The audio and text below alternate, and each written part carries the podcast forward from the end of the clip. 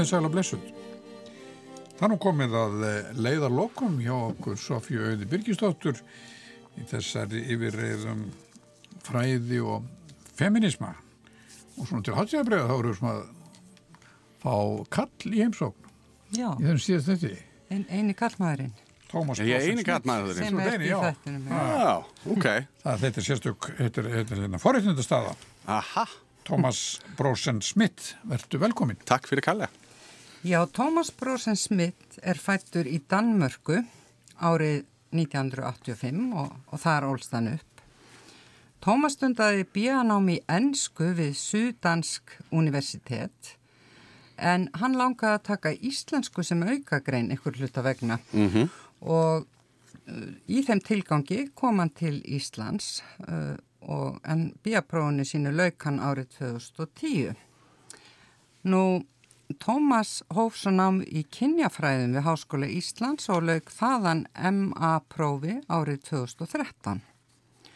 Og fyrir rúmlega ári varði Tómas doktorsritger sína í kynjafræðum við Háskóla Íslands og hún er nú skrifið á ennsku en íslenskur titill hennar er Fílabeinsturnin í kynjuðu ljósi, stefnumótun, óvisa og andspyrna í fræðasamfélagi nýfrjálsíkjunar.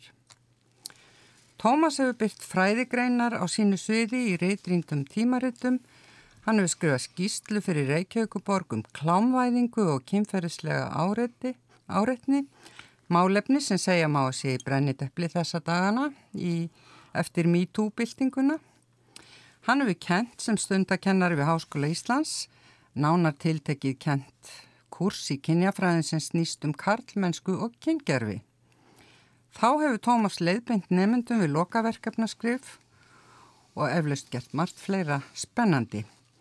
Árið 2011 var Tómas tilnæmdur til íslensku frumkvöla verlunana fyrir starfi jafnbrettsmálinn gerir ráð fyrir. Já. En Tómas starfa nú sem verkefnastjóri rannsókna hjá gestverkefninu. Við fáum kannski að heyra hér síðar hvað fælst í því verkefni. En verður velkomin, Tómas. Takk fyrir kalla. Mér langar til að, að byrja bara á persónlegum nótum. Uh, ég er búin að segja að þú hafið flust hingað til Íslands til þess að læra íslensku. En hvernig stóðu því að þú ílendi svo hér á, á landi? Þú ert búin að búa hér í hvað, 11 ár? 11 ár, já. Síðan ágúst 2008. Kortir fyrir hrun? Korti fyrir raun, tvo mánuði fyrir raun, nákvæmlega. Ég man að, man ég að koma hinga til landsins og, og að því ég kom í fyrsta skipti sem hérna, veist, sem túristi í 2006 Já. og, og því ég var búin að kynna hérna, hérna íslenskan konu. Og hérna, og eins og gerir stundum þá, þá, var, ma þá var maður hérna ásfangin og, og ákvað síðan í rauninni að fara að taka hérna námi íslensku á, á Íslandi í, í hérna í 2008 út af því. Já. Þannig að það var ekki því að ég átti og þann tíma ég átti engin svona sérstakann, þú veist, áhuga á íslenskunni fyrir geðu. hérna, ég kom út af ástunni, hérna, og hérna, en síðan var líka búið upp á svo spennandi hérna kynjafræðinám á Íslandi sem var á þann tíma bara ekki til í Danmörku. hvað er þetta að segja? Það var ekki til og ég efast um að það sé til þann dag í dag. Já, Ég er ekki búin að skoða þetta nýlega en uh, mér skilsta hérna kynjafræðinni er bara ekki mjög sterk í, hérna, í Danmörku já, almennt. það er merkilegt. Það er ekki, ekki svona merkilegt. gender studies sem ég skilst að sé svo sterk í Svíþjóð til dæmis. Mjög sterk í Svíþjó, Já. líka í Norri og á Já. Íslandi, líka Finn, í, í Finnlandi en hérna Danmörku vir, virðist vera einhvern veginn bara svona og mér finnst að Danmörku hefur alltaf verið, þú veist, eftir ég fóð til Íslands, alltaf þegar ég skoða hérna málinn hérna, um jafnbreytið sem er að gerast á Íslandi, finnst mér alltaf að Danmörku einhvern veginn er alltaf svona 20 ár hérna aftur í tímanum. Já, Þessna. það er- kemur óvart heyra þetta. Við erum alveg það- steinhissa. Ég má segja þetta því ég er Dani. já, já, já. Ég má dissa heimalandinu mínu. Það Já, einmitt. Nú en við fáum við hingað vegna þess að, að þú skilgreini sjálfa því sem feminista Já. og, og mér langar að spyrja hvernig stendur á því af hverju og hvenar fórst að skilgreina þig sem feminista? Það var akkurat sama árið sem ég eh, hérna hitti hérna basmóðu minni, hún, hún hérna Silja hérna árið 2006 byrjaði þetta og þegar ég flyttir til Íslands þá var ég, þá var ég orðin feministi. Það var ekki eitthvað sem ég var, ég var búin að pæla neitt í. Áhrif frá henni? Já, þú veist, hérna, þegar ég kynntist henni, hún var feministi og ég, ég hefði svo sem ekki neina skoðunar á, á feminisman á, á þessum tíma. Nei. Þú veist, ekki neitt, það var ekki eitthvað sem ég var búin að hugsa út í, ég var ekki búin að móta með eitthvað skoðunar á um að feminista voru eitthvað umulegir eða, eða eitthvað annað, skiljiði, hérna, þannig að ég reyndi að vera bara svona, svona með, með, með, með hérna opinhug, veist, opinhug og hérna hún gaf mér, man ég, á þann tíma, þú veist, ég fekk að lána nokkra bækur sem, sem ég var bara alls ekki hérna neitt til að le, lesa en mér langaði og ég gerði það og, mm. og það var svo mikið, hérna, ég mann fyrsta feministika bókin sem ég las var eftir hún Inga Muskio, heitir hún, mm. að bókin hétt bara Kant, A Declaration of Independence, oh. sem var svona mjög svona pönga hérna feministik bók Já. og það var svo mikið nýtt sem svona spratt upp hjá mér á, á þann tím, bara hluti sem maður hefur aldrei hugsað út í mm -hmm. og mér finnst ofta það það sem feminismin eða svona jafnritisfræðin gerir, það mm -hmm. er mhm. rauninni bara að benda á eitthvað sem á að vera augljóst mm -hmm. en, sem en, en sem maður bara hefur aldrei hugsað um á, áður Það eru þessi frægu kynja glerugu sem eru sett, eða Já. feminísku glerugu sem eru sett upp Já. og breyta sín. Einmitt, og, og um leið og þau sé komin þú veist á nefinu, það var mjög erfitt að taka þetta af aftur. Það er rosa mikið að bæði tónlist og kvikmundum og, og ég veit ekki hvað sem búin að eðilegsast fyrir mig, því þú búin að setja á sig kynja glerugun. Þá sé maður, þú veist, það sé maður ímislegt og það er bara voðalega pyrrandi, en það er líka hérna fræðandi og, og og hérna, hefur mikið gang já, hérna. já. En hvernig bregðast eh, aðri karlmenn við feminismaðínum og, og, og því að þú lýsir í yfir að þú sért feministi uh, mætur þau andstöðu eða meðbyr? Eru margir karlmenn með þér í liði að vera feministi? Það er miklu fleira karlmenn með mér í liði núna held ég en var fyrir tíu árum síðan en ég verð líka að viðkanna að að þú veist að ég var aldrei einn um þetta. Nei. ekki fyrir tíu árum síðan heldur. Ég, þegar ég kom til Íslands í 2008 þá var hérna mm, neysamt samt hakan í gangi. Nei kallmenn segja nei við nöðgunum var hérna hópur á þann tíma sem, sem sagt fór og var að fræða unga kallmenn á hérna tónlistaháttuðunum Íslands. Já og það var svo hérna, það var svo rótækt á þann tíma. Já. líka fyrir mig ég hugsaði vá, þú veist, einhverja að gera þetta. Og, og að hugsa sér fyrir tíu árum síðan eða 11 eða 12 árum síðan mm -hmm. var talst rótækt að segja ég er að móti nöðkunum og þið fóruð á, á útiháttíðir og, og, og og voruð að tala við þá stráka þar? Þa, það, það, það var á þessi ári, já. Þau, þau gerði það mikið. Ég var ekki sjálfur partar að þessu á þessum tíma hérna, en sá veist, þessi kallar hérna, að vera að gera þetta og uppliði hérna, út frá svona mínu sjónahortni að þann tíma uppliði þetta sem, sem svona, veist, ég hugsaði þetta bara óskuplega venjulega kallar. Já. Þau eru ekki sérstaklega kvenleir skilið þau eru ekki hérna, þau eru ekki homar, nöðsynlega Nei. ekki nöðsynlega, ég verð bara að hugsa þetta er bara óskaplega venjulega kallmenn Já. sem er með eitthvað hugmynd um að, að fólk er bara nöðka allt og mikið á tónlist á Íslandi mm. og var ekki fínt ef við fórum að, að bara svona tala við unga krakkana og, og segja þeim að þau sé eitthvað sem er, veist, eitthvað sem er í gangi eða eitthvað það kannski bara fara að hjálpa eða þú veist Já. hvað sem er, þú veist Kenna þeim að, að, að vera ekki fáviti eins og, og mottóið er á, á eisnaflugi Já, já og, mm. og, og já, bara enn og aftur að hérna þetta var bara svo vennjulegt einhver veginn, það kom mér að óvart mm. hérna. Þannig að, að feministar þurfu ekkert endilega vera konur, kallmenn geta skipa sér þar í lið og, og eru Já, það margir. það er nú bara öðruvísu umræðu sko og það en þá til hérna fullt af feministum sem finnst að kallmenn bara, þú veist, að því að þau eru kallmenn geta ekki verið hérna feministar. Mm. Ég held að það sé alveg til ennþá þó ég held að það sé svona á leiðinu út. Já, já, Það er mikið talað um að kallmenn, þú veist, uh, getur bara verið hérna sa- samstöðumenn, það það sem heitir allies. ekki, ekki gerendur beint svona í, í nei, nei, feminisma. nei, nei, en ég held að það sé alveg, hérna, það er gamalt. Það er Það, var mikið að tala um þetta fyrir tíu árum síðan, sko.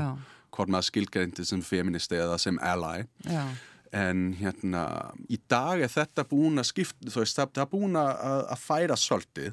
Hérna, í dag er fullt af kallmönnum sem kalla sig feministar en gera ekki hluti sem er sérstaklega feminist. nei, Og ég sá líka þann þróun bara á nokkrum árum í hérna neysamtakkan hérna á þann tíma já, að bara árið eftir ég var komin til Íslands það var orðið svo vinsælt að kaupa hessi hérna ból sem við vorum með í neysamtakkan, það sem stóð nei. nei. Hérna og ég sá unga krakkar, unga stáka vera með þessi ból niður í bæ Já. og verða að áreita konur að meðan þau voru í þessum ból, Já, já. ból skilju, að það, það var orðið einhver tíman var orðið svo hérna í tísku að kalla sig feministi já, og þá, nei einmitt og þá breytist það svona frá því að eh, þú veist, þetta kallmann og þetta kallaði feministi yfir í þetta að gera fe, svona feministka hluti Já. eða ekki Já. þannig að þegar þú spyrir mig hvort ég skilgreinu mig sem feministi, já, eða þú spyr Mhm. en hérna, mér finnst þannig að þetta er eitthvað sem á að sína sig í gegnum hérna gjörðum og Já. verki Já. frekar en eitthvað sem þú kallaði já, finnst mér á að vera á borði en ekki bara í orði. einmitt og, og ekki bara einhver tíska Nei, svona, einmitt. tímabundin tíska Nei, einmitt En kannski hefur þá samt svo breyting orðið að, að, kallmennu stendur ekki lengur ógn af feminisma eins og kannski virtist verið í byrjun að þeim fast ekkert að það væri verið að íta kallmennum af sviðinu. Já, ég veit það nú ekki, mér finnst það rosa mikið okn í dag líka, sko. Já, hérna, já. Það þarf ekki, að, það þarf ekki, mér- mér finnst þann dag í dag, það þarf ekki að tala mjög mikið um jafnrættismálum áður en það sé eitthvað mjög ákveðin hópur af kallmennum sem, sem finnst að það verða að áreita þau. Já, og að, sem að fer í hleypir í vörð. Já, já, Já. sem fer í algjöru vörn og hérna, þannig að það er ekki, veist, feminisman er ekki komið svo mikið í tísku en Nei. þá er það sér tilfellið, hérna, Nei.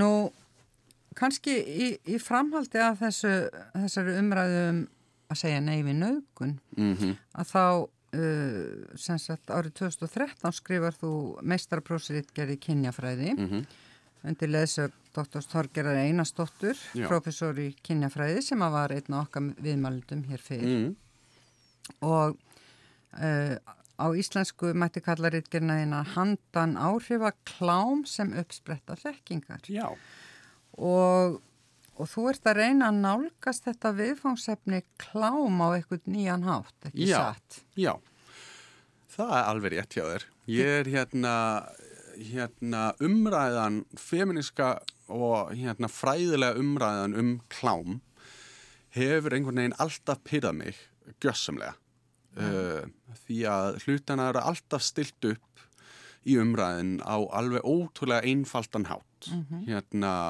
Uh, og hérna það hefur alltaf verið erfitt fyrir mig að hérna einhvern veginn að að, að tala um þetta efni veist eins opinbert að mér langa til að því að veist ég er svona, mér langar ekki fara að hrútskýra þetta fyrir, fyrir umheiminum en hérna þegar maður byrja að lesa hérna fræðigreinar uh, um, um klám hérna allt frá, þú veist, 1985 og fram í hérna, á, á, árið 2010, svona þetta tímabil. Það er eitthvað svona, svona þróun, það sem klám í það, það, það sem heitir svona í gæsalappa í gamla daga, þarna í, þú veist, á, á, í 1980 eitthvað, að það oft verið að, veist, klám er skilgreint sem opeldi gegn konum. Já, og ef það er skilgreiningin þín hvað þá með hérna efnið sem, sem sýnir ekki ofbeldi, sem sýnir til dæmis bara óskaplega venjulega kynlíf mm. á þann tíma þá að skilgrein það, þú veist, þá var gert hérna skilgreining, skilgreining á milli klám og erotík Já, þannig að það kallaði allt það sem okkur feministana fannst ofbeldi, það var klám Já. allt sem okkur fannst væri ekki ofbeldi Það var hérna erótík. erotík en það átti náttúrulega komin út í eitthvað hérna, þú veist hvað gerir þið þá með gráasvæði hérna inn á milli? Hérna, þá sömur sem vildi meina að, að hérna, ef, ef fólki hérna, hérna í erotíkinni var að stunda kynlíf á einhverjum hátt sem var kannski ekki nógu mjúk þá var þetta orðið opeldi aftur. Og það var svona það var svona mjög erfið um, umræði á þann tíma. en þetta er kannski skil, skiljanlegt fyrir að grip fram í að, að, að sko af því að svo stór hluti af klám myndefni Já, uh, sýnir uh, ofbeldi gegn konum eða niðurlaðar konur, ekki satt. Ég menna, er það ekki skýringin? Jú, Eða, það var skýringin en á þann tíma og ég held að það var hérna hún Diana Russell sem var einna svo sá fyrsta sem byrjaði að skrifa um þetta já, hún hérna fór strax í, ef þú lesa efnið, ef lesa efnið hennar já, þá byrja hún á að segja nákvæmlega þetta að langt mesta klámið sýnir opeldi á einhverjum hátt. Já, en þá segir hún hérna, en skoðaði nú þetta klám sérstaklega? Þá tekur hún fram hérna svona sadomasochistisk klám sem er náttúrulega alveg svona sérflokkur. Já, og nota það eh, hérna í gegnum skrifin hennar sem hérna svona aðal hérna uh, uh, dæmið um hvað klám er. Og þá er maður náttúrulega búin að búa til einhvers konar sérstakann orræða í kringum hvað klám er og hvað það er ekki. Hérna, en á sama tíma þann dag í dag, hérna þriðja byltingin af hérna fe feminisma skilgreini klám allt öð, öðruvísi, þá er klám skilgreint hérna, eins og það er í hérna Oxford hérna orðabókin sem Já. er hérna, það er myndefni eða, eða slíkt sem hérna á að augra fólki kynferðislega Ögra? Já, eða Já. ekki það sem það heitir Nei, nei, örfa, Ör- ör- örfa, ekki augra, Já, fyrirgeðu já. sem er, þú veist, örfa fólk Já, kynfyrstlega. en sem á sá tilgang að Já. örfa fólk kynferðislega sem mér finnst svona mjög áhauðverða skilgreining af því að það þýða að efnið þarf að hafa verið búa til með svo tilgangi Já. sem þýða að þér aðlaðast kynferðislega á veit ekki, lömpum eða bílum eða eitthvað þú veist, þá getur það ekki skilgrein sem klam. Já, þú veist, hlutina þarf að hafa verið búa til með sérstakann tilgang.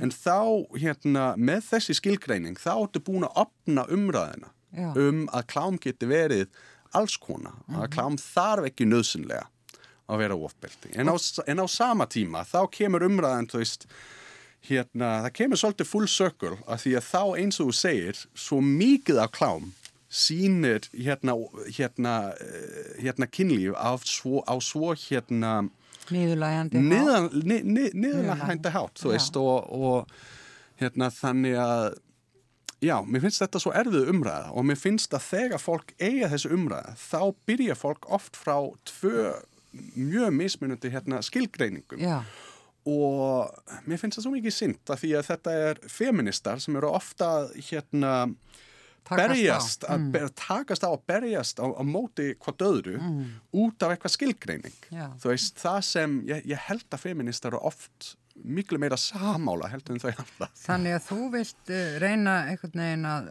að fara frá þessari uh, annarkvort eða skilgreiningu já, og skoða klám sem uppsprettu þekking. þekkingar já, Viltu útskýra það svolítið uppsprettu þekkingar uh, ef við förum í, þú veist, það, það er búin að vera að skrifa margt, að gera margar ansóknir af það sem kallast hérna í gæsalappa áhrif kláms. Mm.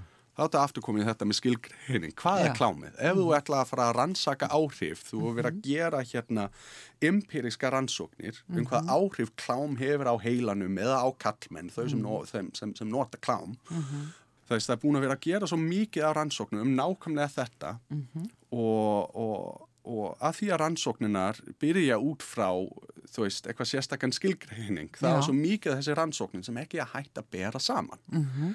uh, og, Og en á þú, sama tíma hefur ekki, þú veist, á sama tíma hefur ekki verið gert sama, samskynna rannsóknir um til dæmis uh, auglýsingar. Um áhrif auglýsinga Áhrif á... auglýsingar. Við vitum allir að auglýsingar hefur ein, einhvers konar áhrif en við myndum aldrei fara að setja okkur niður og segja nú ætlum við að skoða hérna, nákvæmlega hvaða áhrif þessi auglýsing hefur á heilanum. Þú veist, við erum allar samálu um að auglýsingar hafa áhrif, einhver hafa einhvers konar áhrif. Við Já. vitum ekki nákvæmlega hvað það er, við vitum að það hefur áhrif. Á, au, au, auglýsingar er að, að gefa okkar einhvers konar upplýsingar, við tökum þessu upplýsingar, gera eitthvað með upplýsingarna og það sama átt við um klám. Allt út frá uh, hvaða manniska þú er persónlega, allt út frá hvaða aðstæðu þú ert í, hvort þú sé 12 ára krakki, horfa á klám í fyrsta skipti eða hvort þú ert hérna hérna uh, kvenkinsfeministi sem er 45 ára að búin að stunda kynlíf allt þitt líf og þú horfa á klámi fyrsta skipti. Þú átt eftir að, að taka þessu upplýsingar á mjög mismunandi hátt. Skiljið mig? Já, já. hérna þess vegna er svo erfitt að, að tala um áhrif kláms sem eitthvað svona stórt efni. En einmitt bara núna undarfarna daga Mhm. hefur verið mikið í umræðinni í, í bara fjölmilum mm, uh, að klámneistla hjá Mm. uh, ungum uh, kallmönnum Mm. á Íslandi Mhm. sé gríðarlega mikil Mhm. og þeir í raun og veru læri kynlífshegðun í gegnum klámyndir og, mm, og á endanum sem sagt leiði það til ofbeldis í raun og veru þeirra gegn stúlkum sem að þegar þeir eru að byrja að vera með stúlkum. já Hvað, hvað segir þú um þetta? Það er tvent í þetta sem ég finnst mikilvægt að taka fram. Að hérna ef við setjum klámið bara alveg til hliðar og, og hérna þá er mjög mikilvægt að fara að tala um hérna samþykki í kynlífi þegar, þegar kemur það svona til, til, til, tilfellum. Já, að því að þegar við erum að segja að klám leiða til ofbeldis segjum að hérna segjum hérna að strák er búin að horfa á eitthvað klám og hann sé eitthvað þarna sem hann ætla að fara að gera í Já. raunveruleikanum já, sem gerist af því að strákar nota oft klám sem hérna kynfræðslu já, ef það er ekki kynfræðslu til annar já, hérna þá sé hann eitthvað, hugsa þetta eðlilegt ég ætla að fara að prófa þetta. Þá skipta það öllu máli hvort sama strákur er búin að læra að spyrja. Má ég gera þetta, finnst ég þetta gott? Eigum við að gera þetta já, ef hérna samtali um samþykki er til staðar já, þá hefur klámið ekki eins mikið áhrif. Það sem er hættulegt við hérna klámnótkun á milli ungmanna já, er að við búum í það sem heitar hérna nöðguna menning. já, Að hérna við erum, að búin, við erum búin, að gera það svo eðlilegt að tala ekki um hlutina. Það er meira að segja, þú veist, ef heitt fólk tala um að það sé hérna ósexy að vera að tala Að- um hlutina á mikli klíðum Já. þegar maður er að stunda kynlíf.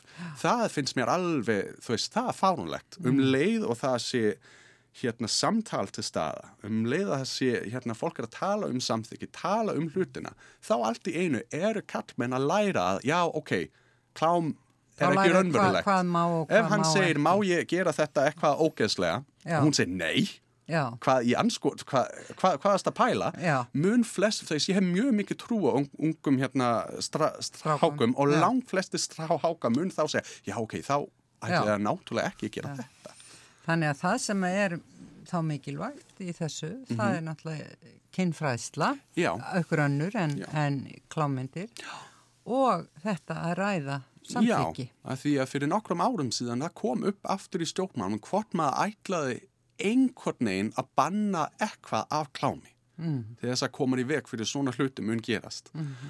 Og mér fannst eins og þessari umræðu síndu svona algjört skilningsleysi bæði á, þú veist, áhrif kláms og líka uh, hérna hvað, hvað er hægt að gera og hvað ekki.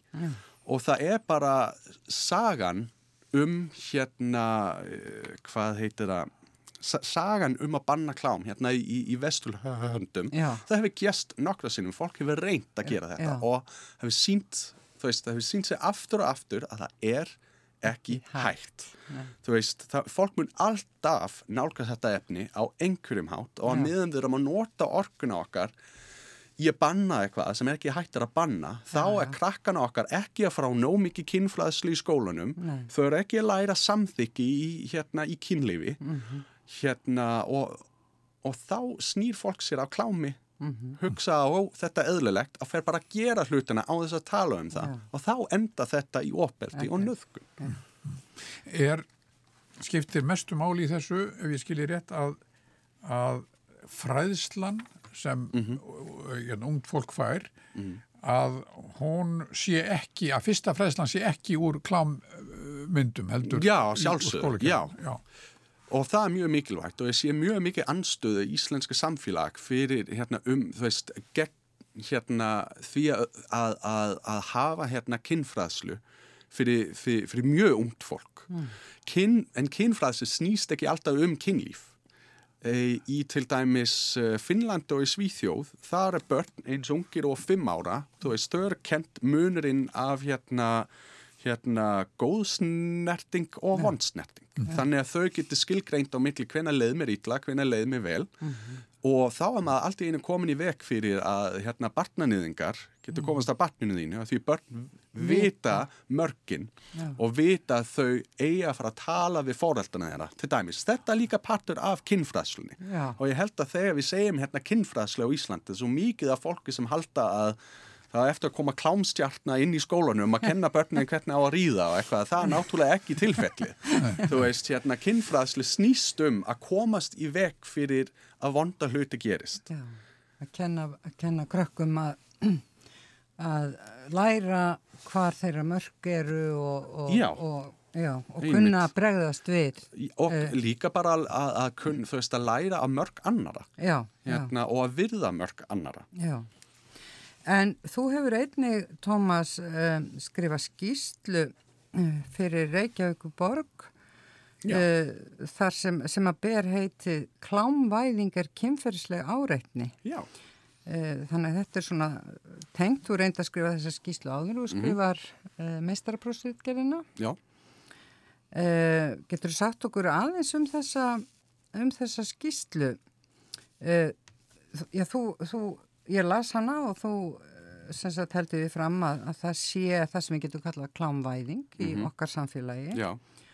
og að hún einhvern veginn sjálfkrafa uh, leiði að sér kynferðslega áreitni til dæmis á vinnustöðum og í skóli. Já, og ég verði að segja að ég er mjög pyrðað út í sjálfa mig uh, út af hérna, skilgreiningina klám sem ég notaði í, Í hérna, í skýrslu. þessari skíslu. Því að þessari skíslu gengur út það því að þegar ég segi klám að þá að tala um hérna uh, þú veist, kynferðislega hérna myndir sem sýnur hérna niðurlægin, þú veist, niðurlægin til gegn konu. Þannig að það var þessi Já, gamla, þessi gamla, hérna, skilgreining já. sem þú notar þarna og svo kem, ferðu eitthvað áfram í rítgerðinni. Já. já.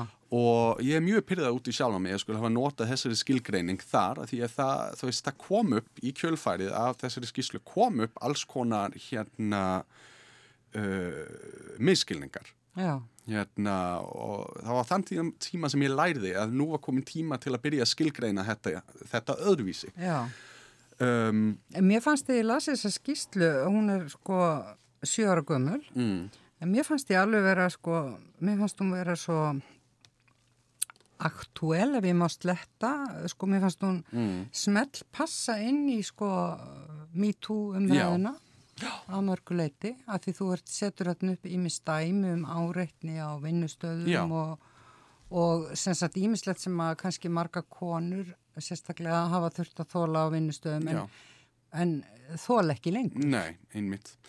Og held að það sé líka mikilvægt að taka fram að þegar ég tala um klámvæðing þá er við ekki bara að tala um svona myndefni Nei, á vinnustöðum, þá er mér líka að tala sérstaklega held ég um svona klám, klámvætta brandarar já, og þessi er svona, hérna, svona kallpunga kultúr, ein, einhvern veginn sem á sér stað á mörgum vinnustöðum uh, og þetta með að hérna, svo mikið af konum í þessari skýslu, fólki sem ég tók viðtöl við sem sem fannst það svo erfitt að einhvern veginn að þurfa að vera svona húmorslausa teprar alltaf í vinnunni af því að, að, að hérna, húmorinn á veist, snertist alltaf svo mikið um hérna Brjóst á konum. brjóst af konum að kynlíf og píkur og, og eitthvað, konum fannst þetta einhvern veginn Og svona þær var bara leiðilega teprur ef þær voru að, Já. að mótmæla þessu. Já, og, og að það var engin plás til þess að segja, ok, þetta, þetta, þú veist, hræða mig svolítið, kannski mér finnst það ekki örugt að vera þessi vinnusta, hérna, að því að kúltúrin er þannig. Uh, þannig að mér fannst, fannst svolítið áhugavert að, að sjá þetta, að konurna voru reyna aldrei að tala um þetta upphátt. nei, en það gera þeir í dag. Það gera það í dag, já, Já. allt í einu. Hashtag me too. En breyt, já, og þá var spurningin, hvernig breytist kultúr, hvernig breytist eh, svona ákveðin umgengnismenning? Já. Er það með MeToo eða er það með kynni fræðsli í skólakerfinu eða hvar gerist þetta? Ég held að þetta sé ekki fyrir mig að svara sko. Ég held að þetta sé rosa mikið blanda uh, en ég held sérstaklega að hérna í, í hérna þriðjaðu sumi segi hérna fjórða bilding hérna feminismans hefur þetta svo mikið að gera með áhrif hérna uh, svona online menningin. Já, samfélagsmiðlana. Já, sa, já, Já. einmitt, einmitt sam, sam, samfélagsmiðlana Miðlana, þegar, þegar Tarana Börg kom út þarna í 2017 og, og, og, og stinga upp á þetta hashtag MeToo og hann er rauninni bara að segja konur að, að því að eins og eins og hérna kallpungar út á internetinu og alla þessu svona internet hérna tröllar getur Já. falið sig að bak við hérna tölvuskjá og skrifa Já. alls konar hræðilegt þá getur konur núna líka falið sig að bak við tölvuskjá og skrifa nafnlausar upplýsingar Sagt frá. sagt frá hérna, sagt frá upplifinum sem þau hefur kannski ekki getið sagt frá áður. Hérna, allt í einu þá er þessi konur á vinnustöðum sem finnst að ég get ekki, ég get ekki talað um að mér líður ó, svona óurugt hérna, því að þá er ég allt í einu orðin svona tebra eitthvað, nein, allt í einu var gefin hérna, gefin vettvang. Já. Til þess að tala um þetta upphátt og þá, hérna, opnað, þú veist, þá kom gussið Það var sprengja einu, það var bara. spring, springa, já. Já, emmitt. Nú, kannski áður en við hérna yfirgefum þetta málefni og, og mestraprósitgerina þína um, um klám að, að þú tekur hérna viðtöl við 11 íslenska karlmenn, ekki Já, sagt? Það já. er aðferðin þín. Já, Og, það var tvö mjög erfið ár. Já, var þetta, já, Það er mjög mikið, það er sérstakann heim að koma inn, að koma inn í að vera að taka hérna, svona mjög djúpa viðtöl já, um mjög svona viðkvæmt efni að þetta fyrir, fyrir, fyrir, fyrir, já, og hafa mikið að erfiðum hlutum sem kom upp á y- yfirborðið þarna, Já. mikið af kallmönnum. já. Þannig að þetta var erfið tímabil sko Já. að vera En, inn í en, þetta. en þetta hefur kannski nýst þér svo í þessum þessu námskeið sem þú kennir í kynjafræðinni sem fjallar um Nei, ég held að það hefur verið eitthvað miskilning þarna. Ég hef aldrei kent námskeið í kallmennskufræði í kynjafræði í Háskóla Íslands. Nú, býttu Ég kennir í alþjóðlega jafnbrettiskólan. Já, þú kennir þar, Ég já. kennir þar, já. Já. Ég hef aldrei kent kynjafræði í Háskóla Íslands. það er minn misskilningur, Ég hef ég- kannski já. tekið eitt og eitt hérna, eitt og eitt dag hér og það og, Ég og sá að leist þú eitthvað af. kent sem sagt námskeið uh, jafnbryttskólan. Það er nú bara partur af eitt námskeið. Já. Hérna, já. En við rættum einmitt um, var, í síðasta þætti, þá rættum við um jafnbryttskólan. Já, já, Já. ok. Kristín okkar viðmældu og hún sagði okkur svolítið frá hún. Mm. Nú, en svo við vikjum okkur þá að doktorsitgerniðinni í kynjafræði. Fyrst langum með að spyrja, eru, eru margir kallmenn sem hafa lokið doktorsprófi í kynjafræði á Íslandi? Ekki svo ég viti. Kannski sá eini? Ég held það. Já, ég hættur um að, um að, nei, ég held að ég sá eini, sko. Í, í kynjafræðinni? Ég kenni það á Íslandi, já, Já. ég held það. Nú, uh, þar ferðu uh, að skrifa um eitthvað allt annað efni. Já, ég Já. þurfti mjög mikið tilbreyting.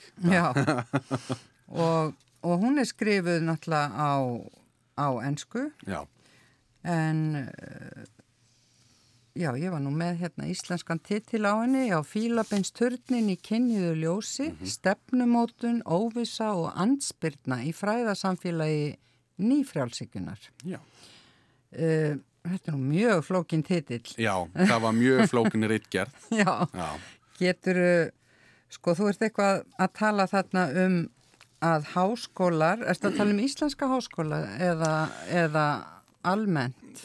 háskóla um allan heiminum, Já. en ég er að taka háskóla Íslands sérstaklega sem, sem dæmi. Já, að, að það hafi orðið þarna eitthvað breyting í kjölfar, uh, kjölfar þess sem þú kallar markasvæðing Mm að, að, að þá sem sagt uh, fari háskólinn að reyða í auknum mæli á ný viðmið og verklað sem hafa fest sig í sessi í vísindasamfélaginu Já, og þar byrstist ósamræmi millir þess sem kemur fram í þá stefnuskóla sem kynjægabretti og framkvæmt Já. stefnuna.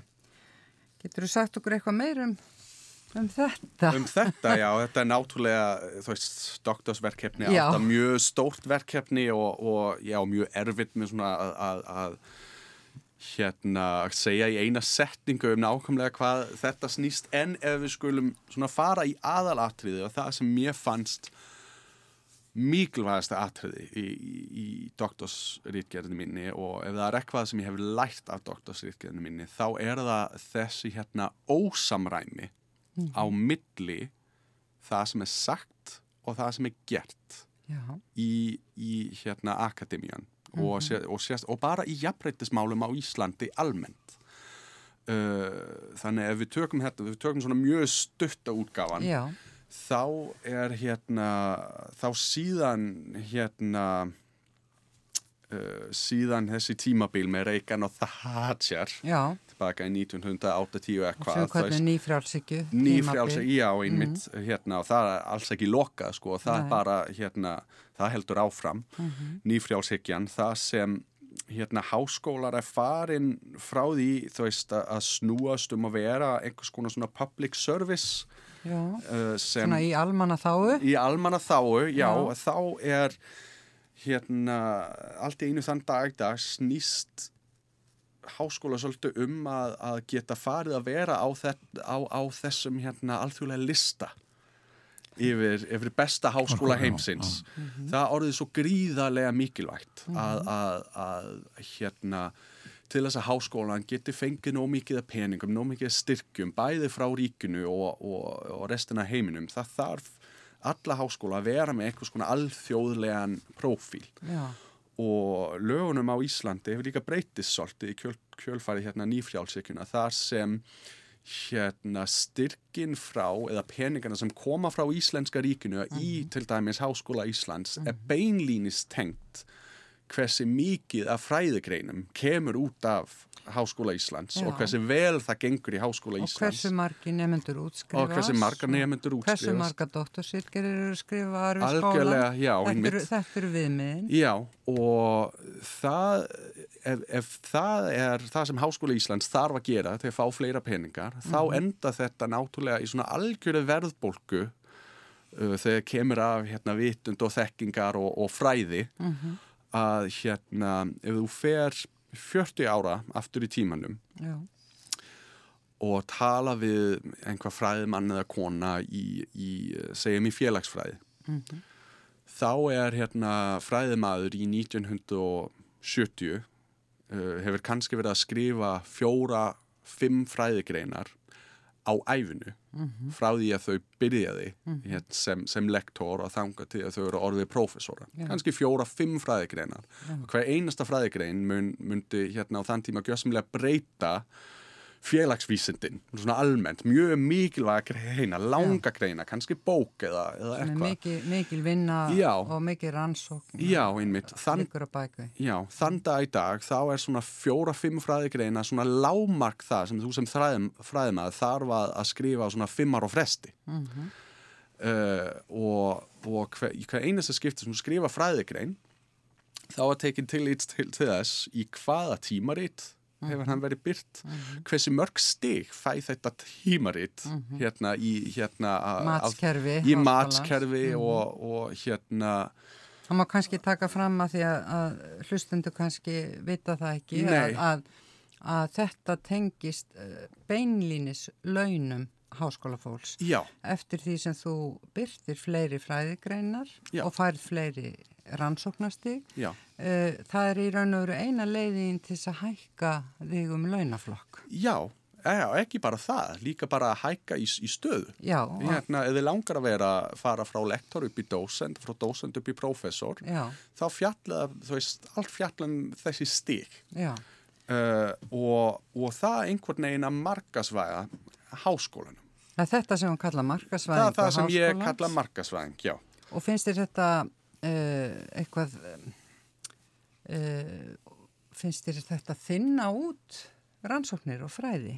Ha, Finnst þér þetta svona uh, einfalda að, að, að séu léttvægari, eða? ekki eins og mjög, mjög mikið. En ég veit að þann dag í dag, þá er, þá er þú sem fræðmaður í háskólanum, þá er þetta ekki sjálfur eina höfundan á greinu það þægina. Það er mjög, mjög óalgengt þann dag í dag að fræðmaður skrifir grein sjálf. Nema í hugvistum. Nema í hugvísindum, Já. já.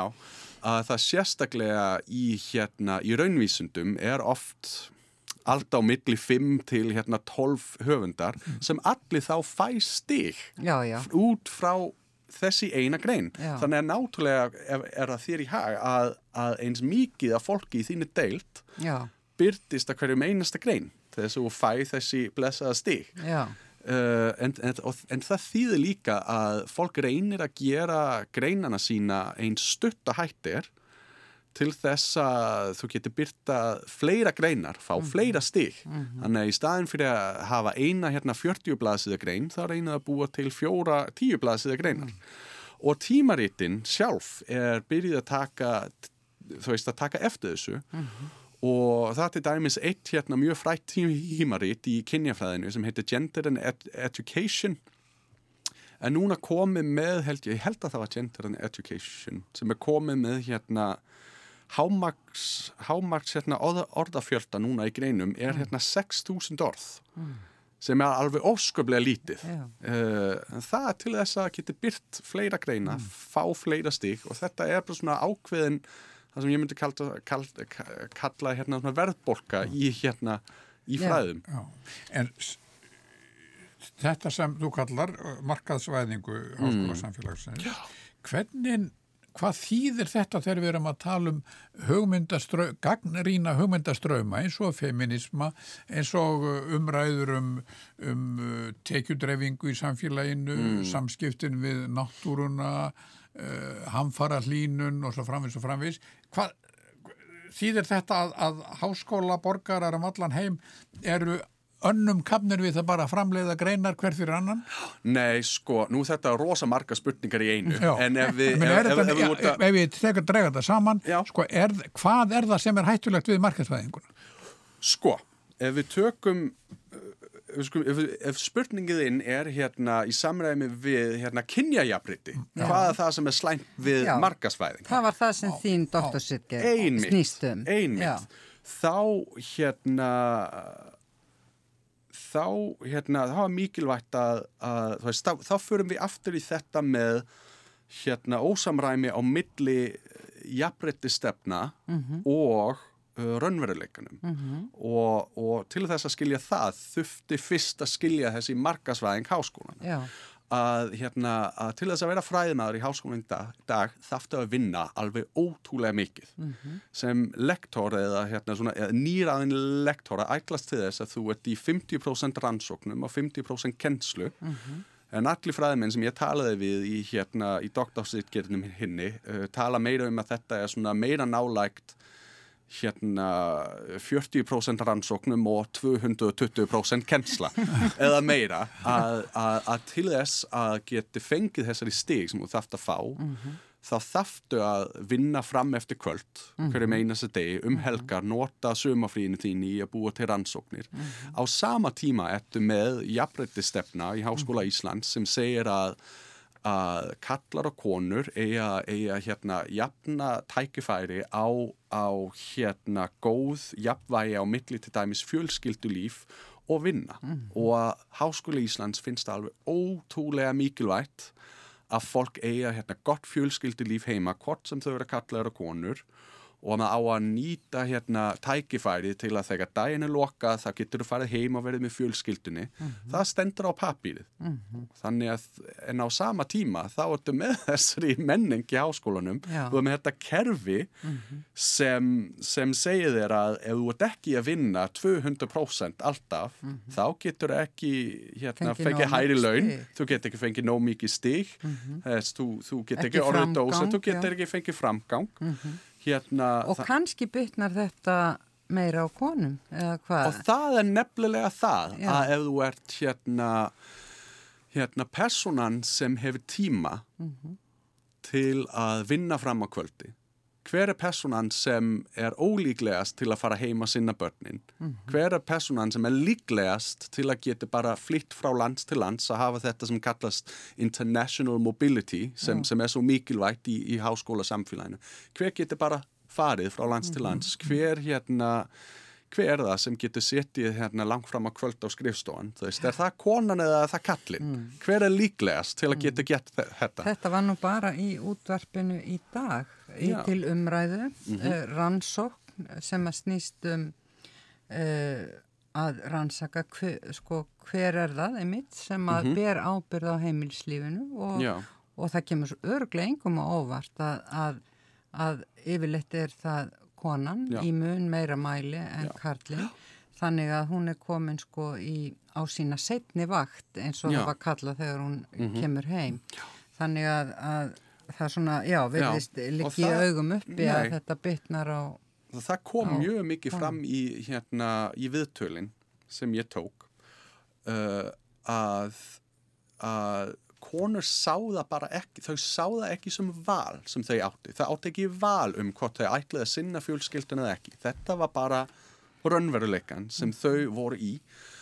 Ég tók viðtal við óléttan konu í, hérna, í, í háskólanum hérna, sem var búin að vinna þarna í nokkur ár og sem, hún var reyndar ekki óleitt á þann tíma, hún var að tala um meðgöngunni sinni já, já, og talaði um að, að, að hún átti hérna lazy boy stól inn á skrifstofuna og teppi Já. til þess að hún gæti tekið sér lúr stundum, var meira að segja með dínu til að setja út á gólfinu já, til þess að geti kvilt sig inn á milli hérna, stundaransóknir og kenna og eitthvað, þú veist, hún átti bara ekki tíma til að vera ólétt í rauninni og ég talaði við konu sem var að vinna í raunvísindum sem talaði um að, að hún átti veikt barn uh, á sinnum tíma og, og þufti, veist, auka tíma til að sinna barninu og og henni var ekki gefið auka tíma. Hún var, var, byðin um að kenna á fullu, gera stundar rannsóknir á fullu og, en á sama tíma hún bara þufti að gera þetta. Á sama tíma talaði við kallmenn sem var líka ta- kallmennin sem ég talaði við var líka að sinna hérna fjölskyldu lífinu sumir, sumir var að gera það. En fyrir þau var þetta val. Fyrir þá þetta var eitthvað sem val, var bóðið upp á. Já. Þannig að þetta, þessi markarsykja, þetta, er- þetta, er- þetta er gott fyrir háskólana til að komast á listan, vera á góðum stað á listanum, Já. en ekki gott fyrir kynjajabrétti og, og sennilega alls ekki gott fyrir starfsmennin almennt. Nei, það, Það er það er sagan sem kom út af háskólanum og þess vegna er ég líka, veist, þessa dagana er ég svona tala við sjálfa mig og finna út úr hvort ég á að vera fræðimaður áfram því að ég var að rannsaka þetta í fjögur ár og til þess að vera svona algjört svart sín þá sé ég bara engin leið út úr þessu. Ekki fyrir að þú ert komin yfir 50 Nei, og, og, og hérna börnin uppkomin, já. þá getur maður verið fræðumæri fullustæri. Já. Já, segjum það. En hér verðum við að, að, að setja punktin í dag. Já, ok. Tómas Brósen Smith, bestu þakki fyrir að koma í þennan síðasta þátt okkar uh, Sofíu Öðar um fræð og femi- feminisma. Ég veit ekki alveg, Sofíu Öður, hver því niðurstað er eftir þessa röð er, gengur þetta í rétt átt? Ég held að niðurstaðan hljóta að vera svo að, að við erum búin að sína fram á í gegnum öll þessi viðtöl hvað feminismin eh, hefur áhrif víða á góðan hátt og, og á eftir að, að gera það. Hann er enn í, í mjög mikilvægur, tel ég. Sofíu Birgisdóttur, bestu þakki fyrir samstarfið og að vikuliðinni, hlustendur góðir, þá ætlum við Gísli Sigurðsson að setjast og eiga samtal við ymsa góða fræðimenn um mál og menningu. Verðið sæl.